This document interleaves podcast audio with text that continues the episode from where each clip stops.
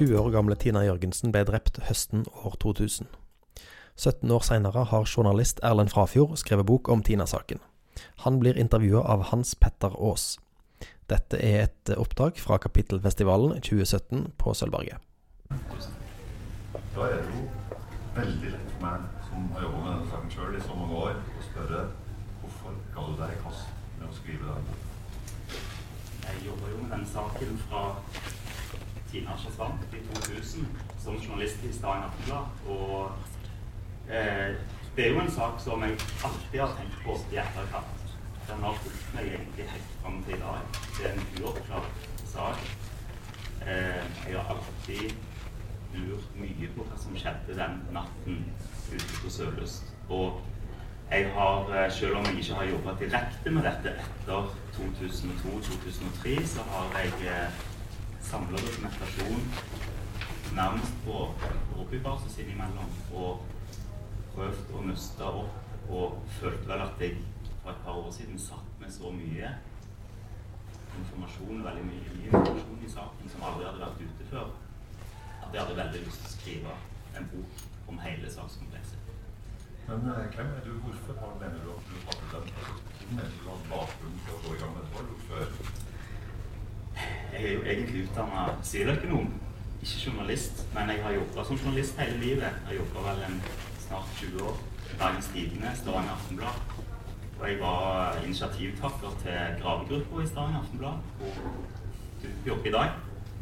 Vi har aldri jobba sammen, men, eh, men, eh, jeg har alltid interessert meg for den eh, undersøkende, tidkrevende journalistikken som hun har mulighet til å gå litt i dybden. Og eh, det må du, den erfaringen må du nesten ha for å gå i gang med et sånt prosjekt som dette, for det er omfattende. Det det er, mye, det er mye informasjon som skal systematiseres. Men det har jo òg veldig mange menneskelige sider med seg å skrive en sånn bok som en kanskje ikke tenker på. Det tror jeg vi kommer tilbake til. Det skal vi komme tilbake til. Det var åpenbart eh, mange etiske utfordringer underveis her. Det har det vært. Absolutt. Nå skal jeg be deg om noe som er litt vanskelig, for vi har familien til Tina her. Og, men kan du gjøre et forsøk på å beskrive hvem Tina Jørgensen var? Ja, det er, jo, det er jo veldig spesielt å få det spørsmålet når, aldri har, når jeg aldri har møtt Tina. Og det jo en, har jo vært en kjempeutfordring. Derfor er jeg veldig glad for at jeg har hatt eh, mange med meg som kjente Tina godt. Og fått snakke med alle de nærmeste. Det er jeg veldig glad for. Det, det var veldig viktig for meg når jeg skulle skrive denne boka, for å få et innblikk i, i jenta. Jeg, jeg, har jo begynt å, å se henne for meg, da. En eh, sprudlende, livsglad jente. Det, det, er vanskelig å snakke om det. jeg merker det. altså Det er følelser. Eh, jeg tror hun var litt eh, småfrekk. Veldig direkte. Sa det hun mente. Veldig snill, veldig omsorgsfull. Tenkte på alle. Det er det inntrykket som står igjen først og fremst når det gjelder Tina. Du stolte på alle. Du, du, føler du har blitt kjent med henne? Jeg gjør det. Jeg har, eh, jeg har snakket med mange. Jeg har bladd i albumer. Jeg har lest dagbøkene til Tina, og jeg har lest eh, til og med almanakkene hennes hvor hun skrev hva hun gjorde for, fra dag til dag, hvem hun var sammen med. Eh, hun, var, hun, var, veldig flittig å skrive og veldig flink til å uttrykke seg skriftlig.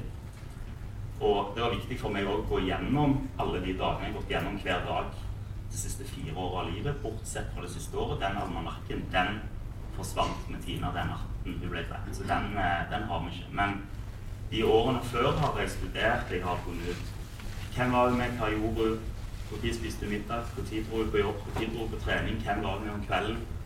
Et enormt arbeid for å finne ut av hvem hun var, og hva hun gjorde. En ting som overrasker meg litt, uh, det var jo at hun skriver faktisk ganske dype dikt. Ja. Noen av de diktene var veldig rørende. Mm, de var det. Eh, hun var flink til å skrive. Hun, eh, og, de, og, en del av de diktene har jeg tatt med i boka. For det var viktig for meg å, å, å, vise hva hun tenkte om en del personer. Ikke minst. Mm. Sentrale personer i, i boka og i hennes liv. Nå skal vi gå tilbake til den 24. Eh, september 2000. Akkurat 17 år siden i dag. Det var Tinas siste døgn i livet. Hva vet vi om det døgnet? Det vi vet om, eh, om det døgnet, må jo egentlig gå tilbake til 23. da. hun var på fest om, eh, om kvelden sammen med kjæresten sin oppe i Wessels gate.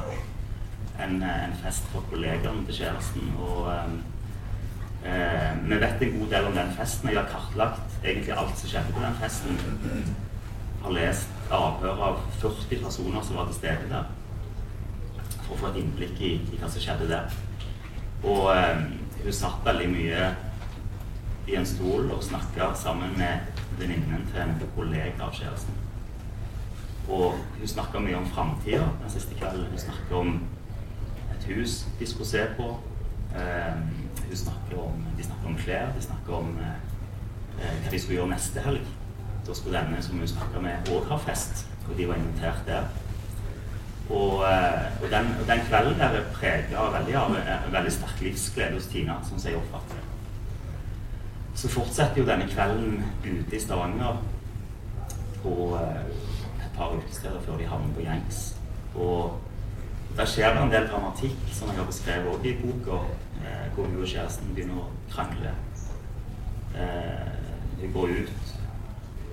Dette fortsetter ut på Hansen-hjørnet, og etter hvert så, så kommer hun fra de andre hun er sammen med, og blir sist sett utenfor Burger King ca. halv to om natten. Da står hun og snakker med en mannsperson som ingen eh, noen gang har klart å finne ut hvem er.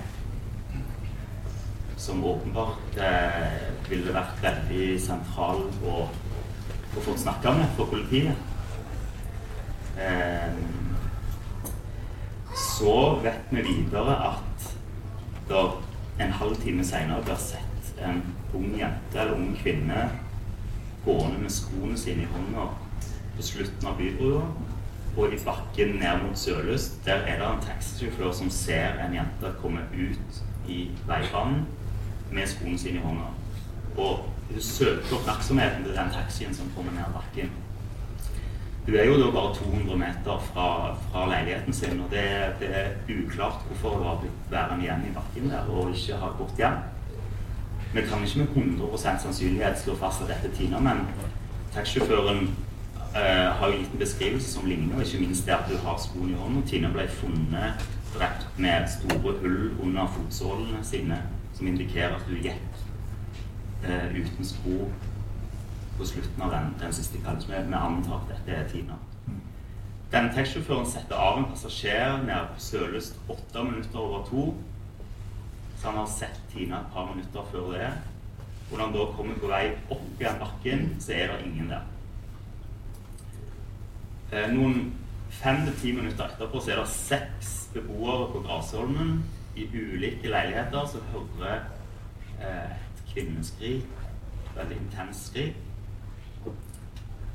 Og eh, det er egentlig det vi vet mm. om, om den natten fram til det. Mm. Og da er det jo litt interessant å gå over på politietterforskninga. For noen av de opplysningene som du nevner nå, det var jo ikke politiet klar over med en gang. For de iverksatte ikke en drapsetterforskning umiddelbart etter at Tina forsvant. De gjorde ikke det. Hva skjedde egentlig? Det som skjedde, var at politiet hadde nok fått eh, Det ble jo gjort en god del eh, etter noen dager. De første dagene så ble dette behandla som en savnetmelding. Det er faktisk ikke så veldig uvanlig at jenter forsvinner i en periode. Men da er det ofte en god grunn til det. Det er kanskje jenter som, eh, som har eh, Opprør? Ja, noe opprør som gjør at de, de, forsvinner. Men her gikk det jo veldig raskt inn og så på, på registeret. Det var jo ingenting på Tina der, og hun var i full jobb. Og det var ingen indikasjoner på at hun skulle ha stukket av frivillig. Eh, men eh, jeg jobber jo da som journalist i Aftenbladet, og, og, egentlig i den savna-fasen så husker jeg at jeg var på politikammeret og, og snakka med, med, en av de sentrale sjefene der. og og han sa til meg at dette trenger ikke tenke på dette, dette er et selvmord. Ja, det er en lignende samtale den gangen da jeg var i VG. Og, og jeg husker det var, det, var ikke, det var ikke så tydelig, men eh, det, det var det som var jeg, husker det, jeg husker det veldig godt. Det var veldig sterkt når jeg gikk ut derfra og tenkte at uh, dette var jo veldig bombastisk. Dette, her må de uh, Hva bygger de dette på? Det, det kunne de ikke fortelle. Så har jeg etterkant skjønt at de har lest i dagbøkene til Tina hvordan er en del tekster som handler om at hun hadde det kjipt. Og så blar vi videre, og så er det litt stor livsglede. Det er opp og ned, opp og ned, som det ofte er for eh, ja. Men de hadde eh, hengt seg veldig opp i dette, og, og, eh, og, noen andre ting hadde vært eh, Det var noen som fortalte at han var nedfor fordi det hadde vært en skilsmisse mellom foreldrene som hadde tatt punkt, og, og det var de hadde gjort noen slutninger som, som jeg må kunne si var, var veldig spesielle. Da. Og jeg, jeg, dokumenterer i boka hva følger det fikk for etterforskningen. Ja, for det var det jeg skulle spørre om. Mm. For det går jo fem uker. Eh, det går fem uker det går fra, fem uker. fra hun forsvinner til hun blir funnet død i en ovn ved Bore kirke. Mm. Hva gikk politiet glipp på fordi at de ikke umiddelbart satsa større på denne saken? Jeg har gått gjennom ca. 1000-1200 avhør som ble tatt eh, i løpet av de første månedene i saken. Altså både før hun ble funnet, og de neste fem-seks-syv ukene etter at du ble funnet. Politiet hevder at de gikk i gang fra dag én som om dette var en drapsetterforskning. Det er jeg totalt uenig i. Jeg har talt opp alle disse avhørene. Det er ca. 5% av de avhørene som ble tatt de første fem ukene mens hun var savna. Og da 95 resten av den vinteren. Og Politimesteren i Stavanger sa i 2003 at de hadde fullt trøkk på dette fra dag én. Det stemmer ikke. Det, det, det har ingen rot i, i, virkeligheten. Her kom en altfor sent i gang med en drapsetterforskning. Og i en drapsetterforskning så teller hvert minutt. Her gikk det altså fem uker. Og, og, det har denne etterforskningen litt under. Ja, Hva slags konsekvenser fikk det? Nei, En kan jo bare tenke seg sjøl du er ute på byen, du husker kanskje hva du gjorde helgen før. Dette, mange, mange her går ute hver helg. Så går det da fem uker, og du skal prøve å huske hva du gjorde for fem helger siden når du har vært ute fire helger etterpå. Da er jo vitneforklaringene forurensa av det. Du blander sammen helger. Det er veldig mye her som du mister den presisjonen som du trenger. De sier jo det at det, eh, i en drapssak er ofte, det ofte timene etter ugjerningen det står på. Og her er det så mange uker. Så det, det har eh, det, det den etterforskningen. Altså Det er jo åpenbart at i denne Jeg har jo lest boka. Eh, og det er jo åpenbart at du har fått tak i ganske mye informasjon som du Hvis politiet kunne velge, da altså da tenker jeg politiledelsen kunne velge, mm. så hadde ikke du fått den informasjonen. Nei, det... Kan du fortelle litt om hvordan du har jobba? Altså, hvordan ja. har du jobba med, med kilder, vitner, familie? Det er jo sånn eh, det er jo ikke akkurat bare å, å, å, ringe en telefon, og så sitter du med alle dokumentene i Tina-saken. Det er ikke helt sånn det fungerer. Det, det, det handler jo om tillit over mange, mange år eh, for å få ut informasjon som er så sensitiv. Og så i en så stor sak så, så handler det jo om å bygge seg opp en tillit, og at du har vist overfor kilder at du kan håndtere de opplysningene uten å misbruke dem. Så det har jo vært et veldig sånn møysommelig arbeid for å få ut alt der uten politiets hjelp. Jeg har jo jeg søkte om innsyn i alle dokumentene. Jeg husker første gang i 2007. Da fikk jeg blankt avslag. Og eh, fortsatte å samle for min egen del. Når vi kom til for ett år siden, så følte jeg at jeg satt med det meste. Men jeg søkte om innsyn på nytt for å få tilgang til hele sakskomplekset for å se om det var ting jeg ikke hadde der den innsynsbegjæringen sendte jeg for 13 måneder siden, og den har jeg aldri fått noe svar på. Takk for purra? Jeg purra et par ganger, og så tenkte jeg at det, ok, det får bare være. Det, Men tror du du har hatt? Er det ting som du ikke vet? Ja, det er jo eh, interne evaluerende analyser. Kan Jeg har fått tak i ganske mye interndokumenter i politiet. Det, det, er interessant, for der, eh, der kommer det jo fram en del interne skittentøy. Kast, eh, eller hva det heter eh, oppvask over beslag som er kasta i saken osv. Det, det er veldig avslørende. Jeg, det skal vi komme tilbake, tilbake til. Men eh, det er jo sikkert interne evalueringer i politiet jeg ikke har, uh, har sett. Så analyser som de har gjort på bakgrunn det, det, det mangler kanskje noe av det, men jeg føler jeg har en veldig veldig god oversikt over, over saken. Men det som skjer da, i hvert fall, det er jo at du uh, setter deg ned, og så får du en oversikt over det arbeidet politiet gjorde. Eh, for det er ikke noe tvil om at etter at Tina ble funnet, så var det en massiv etterforskning. Mm. Og det eh, politiet har klart å gjøre da, er jo å eh, kartlegge en god del mildest talt interessante personer i Stavanger sentrum akkurat den natta. Det er jo en politileder som sier til deg i boka der at uh, skulle tro det var årsmøte i Norges seksualforbryterforening i Stavanger akkurat den helga. For der har du en person som de kaller for Plommemannen, som er en notorisk sexforbryter. Du har en drosjesjåfør med, som er tenner på kirkegårder. og, du har, eh, altså du har, og du har en person som også går inn i Birgitte-saken, som ja, som stjeler dametøy og bruker parykker og, og, har åpenbart voldsmodus. Ja. Og du har Norges antagelig verste serievoldtektsmann, f.eks. ute på Grasholmen eh, i nabolaget til Tina. Mm. Det er jo noen som prøver å stemme boka som tenker at det, det, er en stor risiko å gå ut i Stavanger uh, i det hele tatt. Jeg var tenåringsdatter sjøl. Jeg ble litt sånn smått engstelig ja. hvis dette er en gjennomsnittlig lørdagskveld i Stavanger sentrum. Så er det veldig spesielt. Det er veldig spesielt. Men men du har jo gått inn og sett på disse personene. Ja, det, Hva tenker du? om? Nei, jeg tenker Ligger gjerningsmannen i materialet? Ja, det, det, det, tror jeg. Det tror jeg. Det, sjansene for at han, at han, ikke ligger der, det er kanskje en piratsjåfør i så fall som en ikke har kontroll over, som har vært i Stavanger i kort tid og forsvunnet videre. Det kan skje.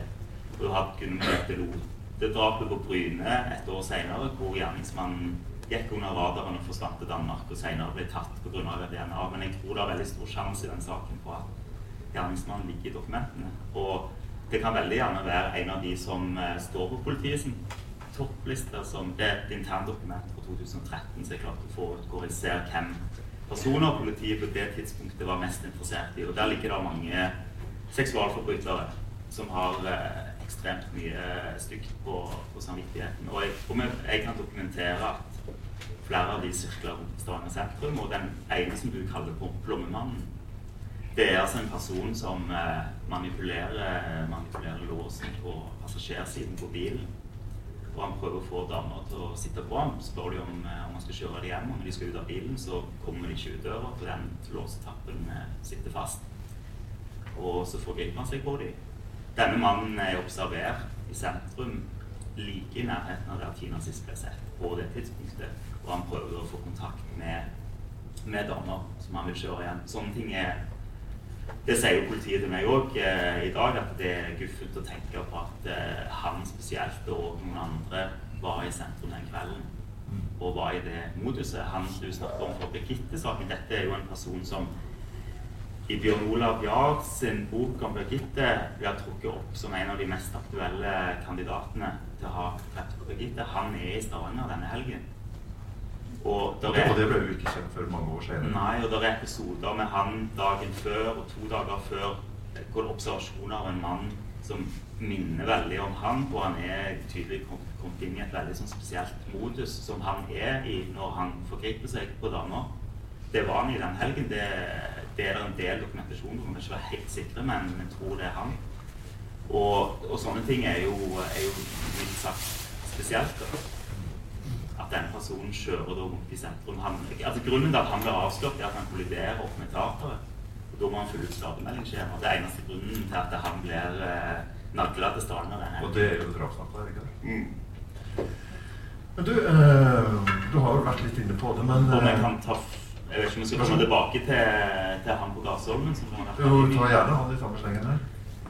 Det er en historie som, som jeg kanskje syns er mest, en av de mest spesielle i boka. Det er altså en nabo, en av naboene til Tina, ikke nærmeste naboen, han bor i nabolaget på Grasholmen på dette tidspunktet.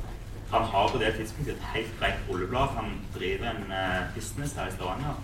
Sjef i en bedrift. Egentlig fra Sørlandet. Og har et rent rulleblad på den tiden, så politiet interesserer seg ikke veldig for han. Han er med i en sånn rundspørring av alle på Grasholmen, og han uh, Eh, han sier at han drar til Oslo den helgen og er vekke hele neste uke. Det blir ikke gjort noe med ham. Det, det kan vi ikke kritisere politiet for. Det er helt naturlig, for han har ingenting på seg. Det er ingenting som indikerer at han har ha noe med dette å gjøre. Eh, fra, så, og så flytta han brått fra Stavanger to uker etter at Tina blir meldt savna. Det er veldig overraskende. Kona bor i Oslo. Hun skjønner ikke hvorfor han kom hjem så brått. Det var ikke meninga. Han avvikler alt han har i Stavanger, og forsvinner. Og så starta han overgreps, eh, en, en overgrepsserie som nesten mangler sidestykke i Norge. Han, eh, han kidnapper damer, han holder de innesperra over tid, han voldtar de. Det er, det, det er noe av det verste jeg har sett, faktisk. Han blir til slutt tatt og dømt til forvaring i åtte år, ble omgjort til fengselsstraff. I 2007 så får politiet i Stavanger denne koblingen. De ser at det er jo denne personen som har bodd på Glasholmen i 2000. Og da går alarmen hos politiet. I 2007 så går det full alarm i Stavanger-politiet om denne mannen. Og det blir satt i gang massiv etterforskning opp mot Tina-drapet. Og eh, bilen blir tatt inn eh, rett inn til analyse. De finner bilen på dagen ute på Sandnes. En fyr der som kjører rundt i en bil, og han skjønner ikke hvorfor denne bilen skal inn til, til Kripos til analyser. Og de gjør liksom det, det aller meste, da, men de, de klarer ikke å, å komme videre. Eh, det som er veldig spesielt med han, er jo at han har snakket usant. da. Han, der fins et bankuttak på han i Stavanger mandagen. Og han har tatt ut han har tatt ut Han var i Oslo hele uka. Da var han i Oslo hele uka. Men han var altså i Stavanger mandagen. Da tok han ut penger og, eh, i en bank. Og det er gjort mye arbeid for å finne ut om han eh, og var, var i Stranda dagen før. Da. Det har de ikke klart å, å finne ut. Men jeg tenker, altså, når, når, jeg da drar opp denne historien i boka, den er jo helt ukjent. At politiet han står på politiets toppliste nå i dag. Politiet har jo en oppfatning av at drapsmannen eh, har hatt en tilknytning til Grasholmen fordi Tina er tatt bort fra Grasholmen. Derfor er han interessant. Og, eh, og det er gjort mye det er, er gjort mye arbeid for å finne ut av han, men de har eh, aldri kommet i mål med det. Og det er jo en grunn til det, for den mannen ble jo senere drept. Han ble drept i, på Sørlandet rett etter at han kom ut fra denne lange soningen sin i en, eh, en hevnaksjon. Det var en som mente han hadde forgrepet sin søster, og han ble, ble, drept. Det er jo interessant å se alle disse det, det, jeg si, det, det var viktig, det glemte jeg. Grunnen til at jeg drar opp disse historiene, er jo at når det dukker opp eh, mennesker i denne saken som ingen tidligere har visst har vært interessante for politiet i Tina-saken. Altså de har en mulig tilknytning til drapet. Så er jo det veldig interessant, mener jeg, for publikum å få greie på. For alle koblinger mellom disse personene og enten Tina direkte eller mennesker som Tina kjente, det kan være helt uskyldige koblinger. Det vil jo være veldig interessant å finne ut av. Åpenbart. Og så er det sånn, da, etter at politiet sikta en person, kjæresten, at det er veldig mange i Stavanger som har interessert seg for denne saken, som mener at kjæresten har gjort det, men han slapp unna. Du viser jo at det er absolutt alibikandidater som jeg tror, jeg tror, jeg viser mange muligheter, mange andre muligheter i saken. Og, men det er klart, kjæresten til Tina han var sikta i saken, og han er eh, selvfølgelig mye omtalt i denne boka. Og jeg har hatt mye dialog med han underveis i vinter, og det, det, vet jeg har vært vanskelig for han. Og, og det har vært veldig spesielt, fordi det, det er jo eh, sår som blir rykka opp i. Og jeg har jo òg gjort det klart for han at eh, når jeg nå skriver denne boken, så er det viktig for meg å få fram alle fakta i saken. Jeg er veldig opptatt av at denne saken skal gå fra et ryktestadie til et mer faktabasert stadie. Og det gjelder kanskje spesielt han, som jeg vet har vært utsatt for veldig mange av disse ryktene. Jeg har i boka Politiet i Stavanger ville, ville, tiltale ham for drapet. De har innstilt på tiltale. Så de mener jo de mente jo den gangen at de var helt sikre på at det var han. Riksadvokaten og statsadvokaten stoppa det og henla saken. Men jeg har jo vist på en måte hele grunnlaget for politiets eh, innstilling, og jeg har òg vist eh, alle argumentene til Atle Helgesen, som var, var hans forsvarer, på, på, hvorfor de mente at politiet tok feil. Så jeg har på en måte lagt dette helt åpent ut, og jeg har sagt eh, til kjæresten at dette her er, er, en, er, en, bok hvor jeg ikke tar stillingen i ene eller andre retning. Jeg bare viser hele saken. Har kjæresten lest manus? Ja, han har, eh, han har lest, uh, han har lest uh, et ganske langt ferdig, eller nesten ferdig manus. Hvordan reagerte han?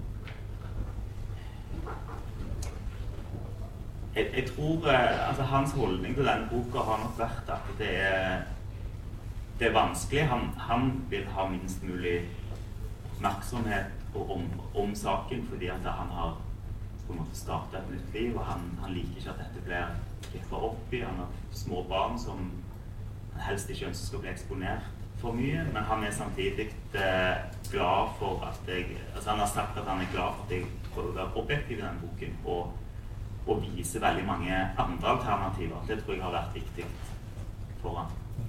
Men det, men, men det er ikke noen bok han, han har gleda seg til skulle komme. Det er det ikke.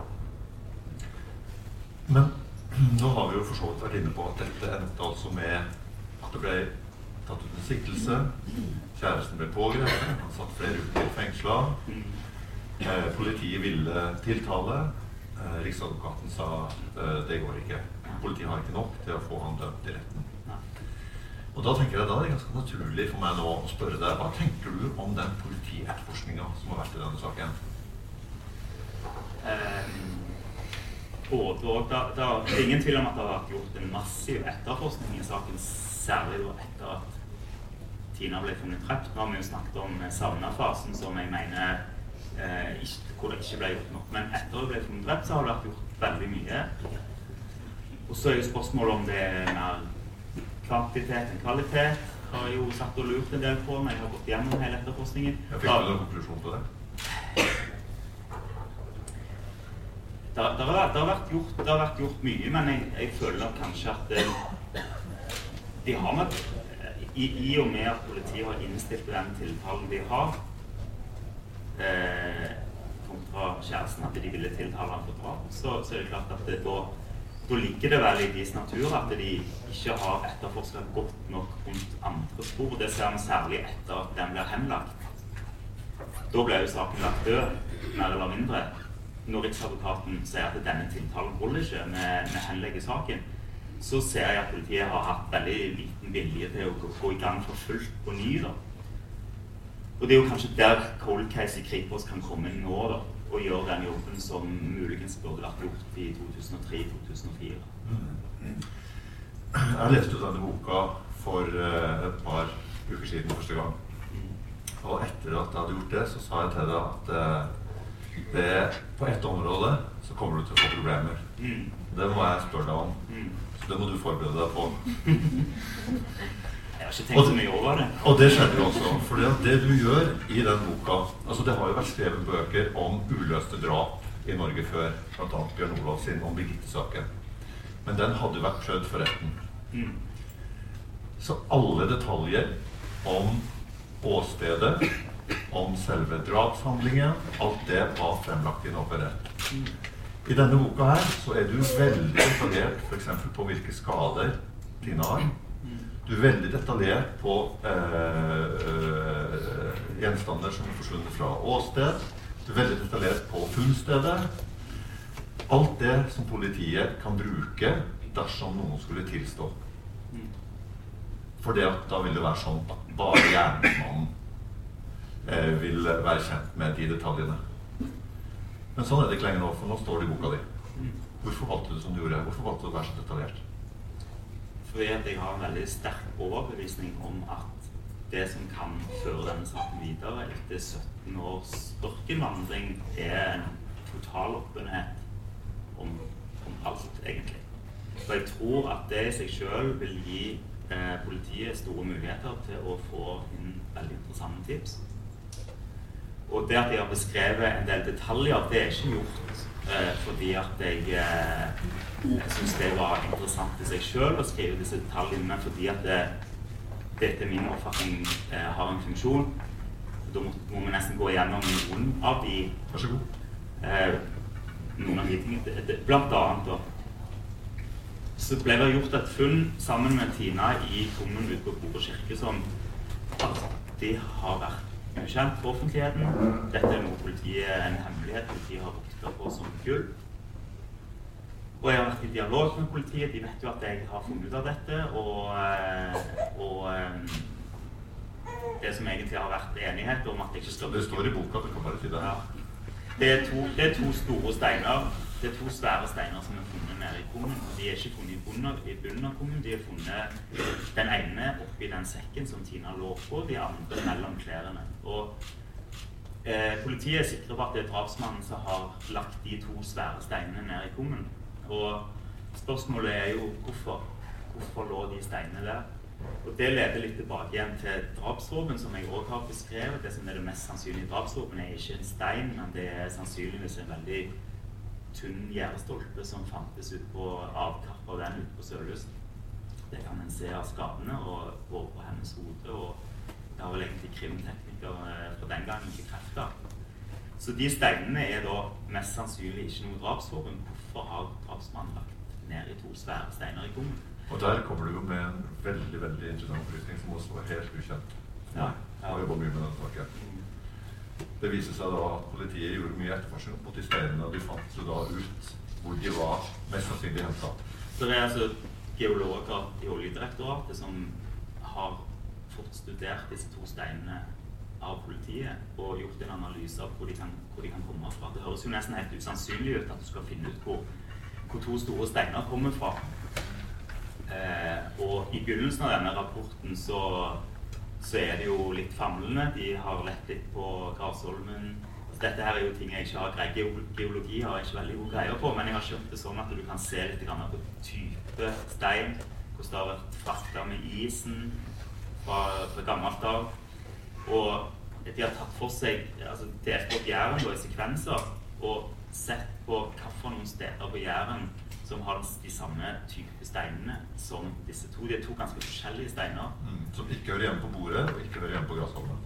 Som ikke hører hjemme på uh, Sannsynligvis ikke med Bokirke, og, i hvert fall ikke på Grasholmen eller Sørlyst, har de kommet fram.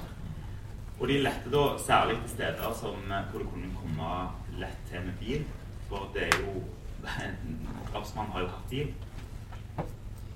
Og på Jærkysten for å ta det først, og Konklusjonen på denne rapporten er jo overraskende klar. De mener at disse to steinene kommer fra en molo nede på Revet. Der har de funnet begge disse to steintypene i kombinasjon, noe som var veldig eh, sjelden. da. Og det åpner jo for en helt ny teori i denne saken. Eh, og, og, jeg tror jo at eh, meninga for drapsmannen var å dumpe Tina til havs med utgangspunkt i denne havnen. Og bruke disse steinene som søkker. Og det som, er, det som er interessant med det, er at det åpner for et helt nytt område i Tina-saken som plutselig blir veldig viktig. da. Hele området Reve, Reve opp mot gokartbanen, det er en campingplass der. Kanskje ned mot Åre. Dette dette er jo veldig viktig, fordi at publikum skal få kjennskap til den teorien, kan jo åpne for veldig interessante tips i saken. Nå har en et helt nytt område å forholde seg til. Men har du spurt, hadde, hadde politiet vært noe så der, spurt hvorfor gikk dere ikke ut med disse opplysningene den gangen? Nei, Det er jo akkurat det som du spurte om eh, innledningsvis i denne bolken. da. Dette var en opplysning som politiet var veldig opptatt av å ha for seg sjøl. Fordi hvis det kom en tilståelse, og den som da eventuelt tilstår, eh, kan bekrefte disse steinene, så politiet spør var det noe annet du tok fra nede i kummen i tillegg til Tina, klærne, skoene ja, jeg kasta òg ned to svære steiner i kummen, så ville jo saken mer eller mindre Da kunne en være sikker på at den tilståelsen var reell. Jeg har vært veldig opptatt av, av, det poenget. Mens jeg er veldig opptatt av det motsatte poenget, at publikum skal få kjennskap til denne teorien at det kan generere helt ny innsikt og helt nye tips i saken. Men Kunne du ikke skrevet at det var flere steiner? Måtte du skrevet var to?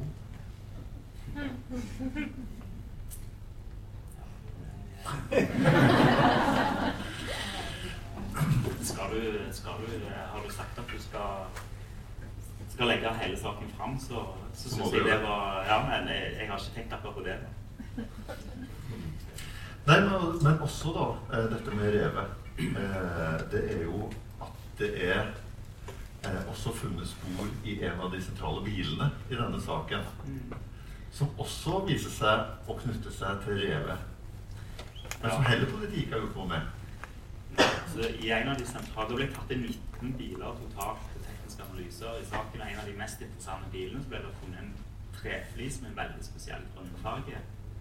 Og politiet lette da i eh, ganske lang tid etter at de hadde fått denne rapporten fra geologene, så lette de etter steder i det området med, med hytter eller hus som hadde denne grønnfargen i seg. Så kommer du da altså kjører opp mot gokartbanen og innover mot Orrevannet, så finner de da en hytte som eh, står til nedfalls med sånne vindusskotter, eller det det heter, med disse flisene på. Og de flisene ligger òg utover altanen der. Dette er en hytte Jeg har snakket med eieren av den hytta. Eh, nå i dag har de bygd opp en ny hytte. Den brant nemlig noen år etterpå. Og de skjønner ikke hvorfor den hytta brant ned. Eierne de har alltid lurt på, på hva som skjedde rundt det. Men i den perioden så, så, var, så brukte ikke familien denne hytta. Så den sto liksom til nedfalls. Og det var en del eh, folk på Jæren som rett og slett brukte dette stedet til å feste og, og litt forskjellige ting. da. Mm. Så det var en hytte ingen hadde, altså eieren hadde ikke kontroll over den. Og, og, jeg vet at det ble tatt med sammenligningsprøver, at det ble tatt med trefliser for stedet for å sammenligne, men politiet sier til meg nå i dag at de tror ikke den sammenligningen ble gjort. Både krimteknikere på den gangen og politisjefen nå i dag jeg har bedt dem om å lete fram dette da, og se om, om de sammenligningsprøvene faktisk ble utført. Og det, det ser ikke sånn ut. Men der er du inne på noe av det som kanskje er mest oppsiktsvekkende eh, i politiarbeidere i denne boka. Og det er jo at politiet har litt problemer med å redegjøre for en del av de beslagene mm. og den type ting som ble gjort. Mm. Også, det er vel et faktum her at mye er kasta. Ja, veldig mange av de tekniske beslagene i Tina-saken er kasta. De ble kasta fra etter at saken mot kjæresten ble henlagt så valgte politiadvokaten å beordre krimteknikerne om å kjøre veldig mange av beslagene ut på søppelfyllinga og destruere dem. Det er ganske oppsiktsvekkende. Det er veldig spesielt. Og um, i 2013 så ble det gjennomført en sånn delvis gjennom, gjenopptakelse, eller iallfall delvis ny gjennomgang av saken. Da er det en politi eh, som blir satt til den oppgaven å lete fram bevisene. De tekniske Da oss kalle det politimannen Vanvik. Ja, han, han, eh, han leda den etterforskningen, men det var en annen da, som ble satt til å, eh, til å finne fram eh, Han satte en, en politimann til å finne fram disse beslagene fra Tina-saken fra den gangen. Og så har han lagd en internrapport på det som jeg viser i boka, som er ganske spesiell, for han er jo frustrert. Han drar rundt, og, og han er på et lager oppe på Storhaug, og han er i en fryseboks her, og han er i en fryseboks her. Så finner de plutselig denne sekken liksekken som Tina var pakket inn i, og et annet sted så finner de ikke et skjørt som stammer fra Tina. Men de, de, har en slags leteaksjon på Storhaug hvor de er litt tilfeldig rundt og, og samler hop ting. Og så viser det seg at mesteparten er, er kasta. Og det gjør jo meg urolig når jeg ser hvordan eh, bevisene på stakene er håndtert. Og Det må jeg jo kunne få lov til å si. Og tenker jo da eh, Sier dette noe om kvaliteten på resten av etterforskningen i saken.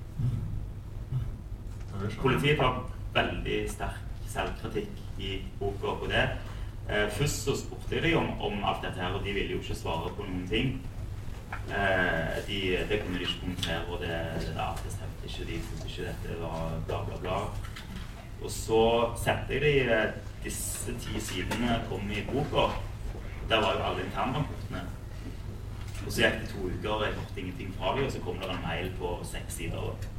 Og den er jo mer eller mindre trykka i boka, og den heter jo eh, den, eh, Det kapitlet der, det Det heter Vi har hatt svært mangelfulle rutiner, er tittelen på det Det var Det er vel ingen overlevelse? Nei. Det Ja. Nei, det Ja. Men, men, ok, det som i hvert fall skjer da, er at eh, politiet vil tiltale eh, kjæresten. Det går ikke. Så blir det stille en lang periode uten at noe skjer. Så dukker da opp denne, disse nye opplysningene om han ute på Grasholmen i 2007. Eh, som heller ikke fører til noe. Og så er det da den nye runden som du snakker om nå, i 2013, da de oppdager at bevis, eller tekniske eh, gjenstander og eh, bevis er kasta. Men så skjer det jo noe igjen i 2015. Ja. Da, da, skjer jo det som kommer som lyn fra klar himmel, at det er en person som tilstår Tina-drapet. Og jeg hoppa i eh, stolen jeg jeg satt foran PC-en, og, og det, det kom jo helt uventa på alle. Og dette er jo da en person som Tina hadde blitt kjent med på Vossfjord camping da de var på, på ferie der i barndommen hennes, eller i ungdomstiden. Han tilstår plutselig dette, og han trekker med seg tre venner og sin avdøde søster inn i, eh, inn i denne handlingen. Og, eh, og, det er jo en tilståelse fra hans side med forbehold. Han er jo en betrakter. Han har sett Tina bli drept under bybruddet, og han har sett de andre kastene i bommen ut på bordet. Han holder jo en distanse til selve handlingen hele veien, men han har, han har sett alt dette. Han åpner jo også for, i hvert fall i det avhøret, for at han kan ha vært og slått litt òg. Han åpner for at han kan ha vært og slått. Men det er litt fram og tilbake, da, hvorvidt han har gjort det. Men når du har en tilståelse, så skulle du tro at den var veldig lang. Men hvorfor eh, førte ikke det fram? Politiet sjekka jo opp eh, alle disse opplysningene og prøvde å finne dokumentasjon på at disse var i Stavanger den helgen. Det har jeg jo skrevet veldig mye rundt. Det har de aldri klart. Og de klarer ikke å finne noe som knytter disse direkte mot, eh, mot Stavanger. Og eh, jeg har jo skrevet i boka at eh, det ville òg vært Jeg har hatt kontakt med en del av Tinas venninner, bl.a. Katrine, som, som eh, kjente òg disse fra Lundal. Og Tina var hos henne kvelden før. Og hvis det kommer opp en gjeng fra Lyngdal som begge disse kjenner, så ville det vært veldig naturlig at Tina hadde fortalt det til Katrine, at i morgen så kommer de og de og de fra Lyngdal. Det sa hun ingenting om. Det syns jeg er egentlig den sterkeste indikasjonen på at den historien hans ikke stemmer sånn som han har fortalt den. fall. Men jeg åpner for at det kan være varianter av den historien som, som, eh, som er riktig, som kun handler om han. Og der er det jo litt interessant, eh, for det, at det du gjør, da, eh, og du er den eneste som har gjort det av journalister. Du bestemmer deg for at du vil prate med den personen i Lyngdal som altså har tilstått eh, Tina-drapet. Ja, og, når, og når du gjør det, eller når du setter deg i bilen i Stavanger og skal kjøre og oppsøke en mann som du tror kan ha drept Tina, eller at han kan være en drapsmann, da er du ikke veldig høy i hatten, er det? Jeg er ikke det. eh, bare for å ta litt av forhistorien, så blir jo da disse eh, sakkyndige som er inne i saken, de mener at dette er en falsk tilståelse, at han utvikler falske minner. Så er det noe som Rettsmedisinsk kommisjon i Norge, som er de som skal kvalitetssikre de rapportene. Og de slår jo fast at eh, dette er, er eventuelt opp til retten å avgjøre. Sånn at det, de holder spørsmålet åpent. De avviser ikke fullstendig at denne tilståelsen må være falsk. De holder spørsmålet åpent. Og på bakgrunn av det så syns jeg det var veldig interessant å eller jeg følte at jeg, jeg var nødt til å dra, dra truffe ham i Linda. Og du hadde ingen avtale? Nei. altså jeg, jeg, begynte jo å tilnærme meg han eh, her tidligere i vår. Og jeg så jo mer, mer og mer at det, det ville være veldig naturlig en veldig naturlig avslutning på boka å få snakke med han og få han. Hva type var dette? Hva tenkte han om den tilståelsen? Hva tenker han om den nå i dag? når to år har gått, og han har kommet ut av fengsel for at denne saken ble jo henlagt. Og jeg eh, ringte han med jevne mellomrom, eh, snakket litt med forsvareren hans, og eh, gikk noen måneder, fikk ikke kontakt med han. Plutselig en dag tok han telefonen, og jeg fikk snakket litt med han. Men han ville ikke komme inn på selve saken. og måtte ringe hjem i morgen, og så ringte i morgen, da snakket vi litt til, og så begynte jeg kanskje å nærme meg en avtale om å, å få snakket skikkelig med han. Og så forsvant han for meg igjen. Gikk under jorda. Og ukene gikk, og det begynte å nærme seg deadline. Og Gyldendal begynte å bli utålmodig. Og så tenkte jeg ok, jeg må bare sette meg i bilen og kjøre til Lyngdal, og så får jeg bare døra og finne han. Tror du var alene, eller? Nei, jeg hadde med meg en så en stor sterk, ja. Enda større og sterkere enn meg. Så han, eh, han, var med i bilen. Nei, jeg, eh, jeg, eh, det, altså, jeg har jo jobbet som krimjournalist noen år, og da har vi jo kanskje litt sånn andre oppfatninger av hva som kan skje. Så jeg tenkte at det, det, går sikkert helt greit. Men det var greit å ha med en, en kar ned, da. Så vi dro ned, og etter mye om og men, og eh, for å gjøre en lang historie kort, så, eh, så satt jeg til slutt i stua hans, da. På hybelen hans. Og eh, Men må, du må, vi har jo prata litt før her. Eller? Ja. Du må jo fortelle at du var ikke så høy og mørk som de gir uttrykk for nå. Hva sier du? Du lot døra stå åpen ut, så kompisen kunne se inn. Ja, han satt, han satt i bilen litt oppfor der, og han hadde bedt meg om å det, gjorde vi. Ja, det var sikkert lurt. Men, Men- den samtalen men- er jo, er jo uh, et uh, journalistisk skup. Ja, det var, det var viktig å få den samtalen. Og um, det, var, det, var en, jeg må si det, det var en veldig spesiell situasjon. Du sitter der en mandag ettermiddag i en hybelleilighet i Lyngdal, litt utenfor Lyngdal sentrum, og, og du sitter da altså overfor en mann som har tilstått dette drapet, som ingen har snakka med. Og eh, det er nesten en litt, det er litt sånn uh, virkelighetsfølelse rundt det. Jeg syns det var veld, veldig, spesielt, veldig spesielt. Kjente det på meg. Og det, det, da gjelder det jo Da har du ikke så mye tid. Du må Du det kommer veldig uanmeldt òg, for å si det sånn. Det kom litt brått på han. Dette han eh, Det sto ikke kaffe klar på, på bordet, så da gjelder det jo å, å bygge den tilliten veldig raskt. da. Og vi måtte jo eh, sitte og snakke en stund om, om forskjellig før han ville, han ville egentlig ikke komme inn på saken.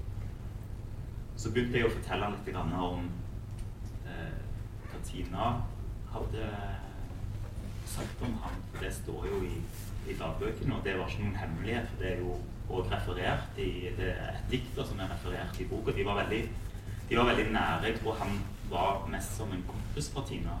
En som du eh, kunne snakke med forskjellige ting. Og, og vi snakka litt om det, og da merka jeg en endring på han. Da, eh, da var han, eh, begynte han å bli litt mer interessert i å, å snakke, og så kom jeg i gang. Og så begynte vi å snakke om saken. Og da,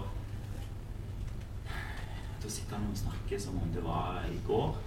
Forteller den samme historien om det var han som sto utenfor, det var han som sto utenfor Burger King og traff Tina igjen. og De gikk utover og forteller meg om drapshandlinger, forteller meg om alt det svært spesielt.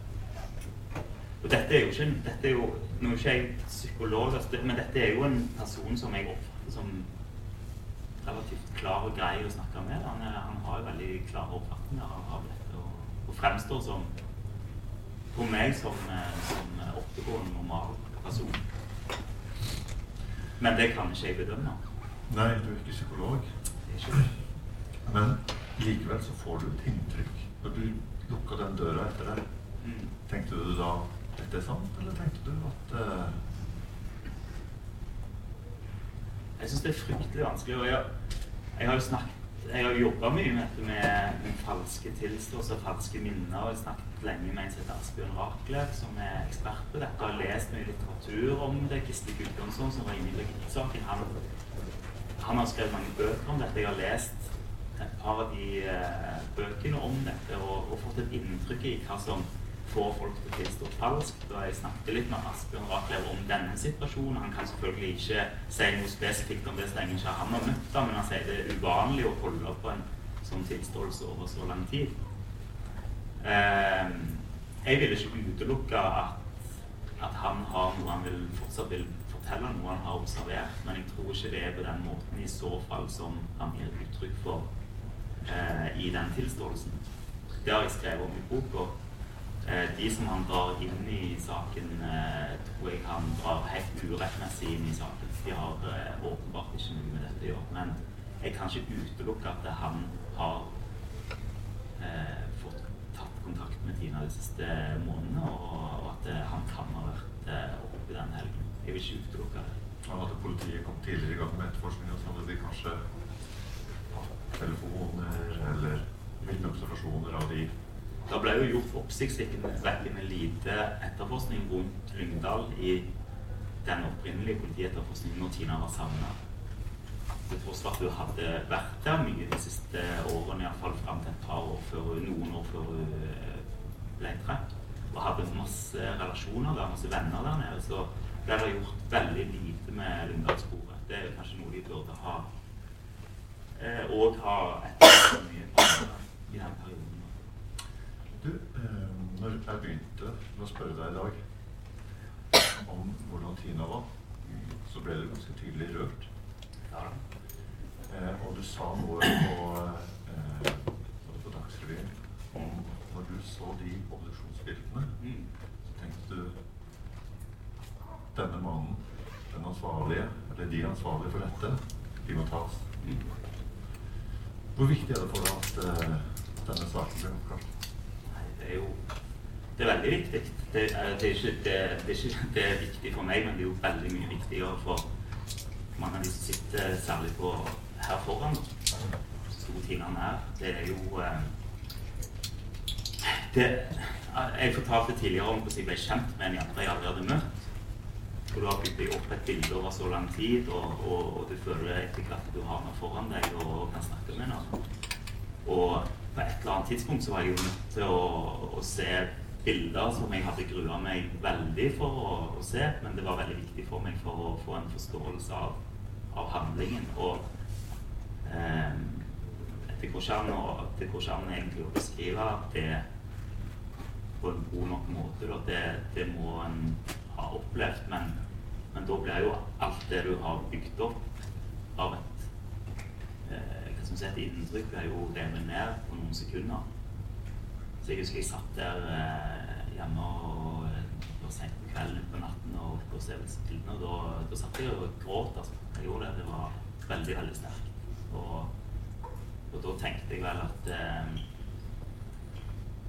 Da får du veldig sånn sterk følelse av at dette skal ikke den personen slippe unna med. Her skal vi henge på. Blir eh, gjerningspersonen tatt? Ja, det spørsmålet har jeg fått noen ganger. Jeg, eh, jeg håper det. Jeg, jeg tror En massiv oppmerksomhet mot saken i seg sjøl eh, Det å lese En ting å lese for en jeg, Hvis gjerningsmannen lever, så leser han jo den boka. Det er jeg helt sikker på. En ting å lese avisartikler om saken. Det gir et visst inntrykk. Det å lese hele historien om saken og hele historien om Tina og historien om hvor mye det betydde for folk, og eh, hva som har skjedd med de etterpå i den, eh, fra den savna fasen, det, det, må jo gjøre, det må jo gjøre inntrykk, tenker jeg. Så en, en eh, hvordan kan en leve med dette? Hvordan kan en gå rundt og leve med dette og vite hva vi har gjort? Det er en helt uforståelig tanke, og det er jo bare å håpe at den personen etter hvert får så store samvittighetskvaler at det knekker. Tror du du vet hvem det er? Nei, jeg gjør ikke det. Jeg, eh, jeg har i løpet av dette året gjort meg opp noen, noen mulige teorier rundt hva som kan ha skjedd. Og, eh, men jeg kan ikke, jeg kan ikke per nå si at jeg, eh, at jeg er klar på det. Nei. Tror jeg vel året 50 그래. 뭐가? 네. 얘나? 네, 내가?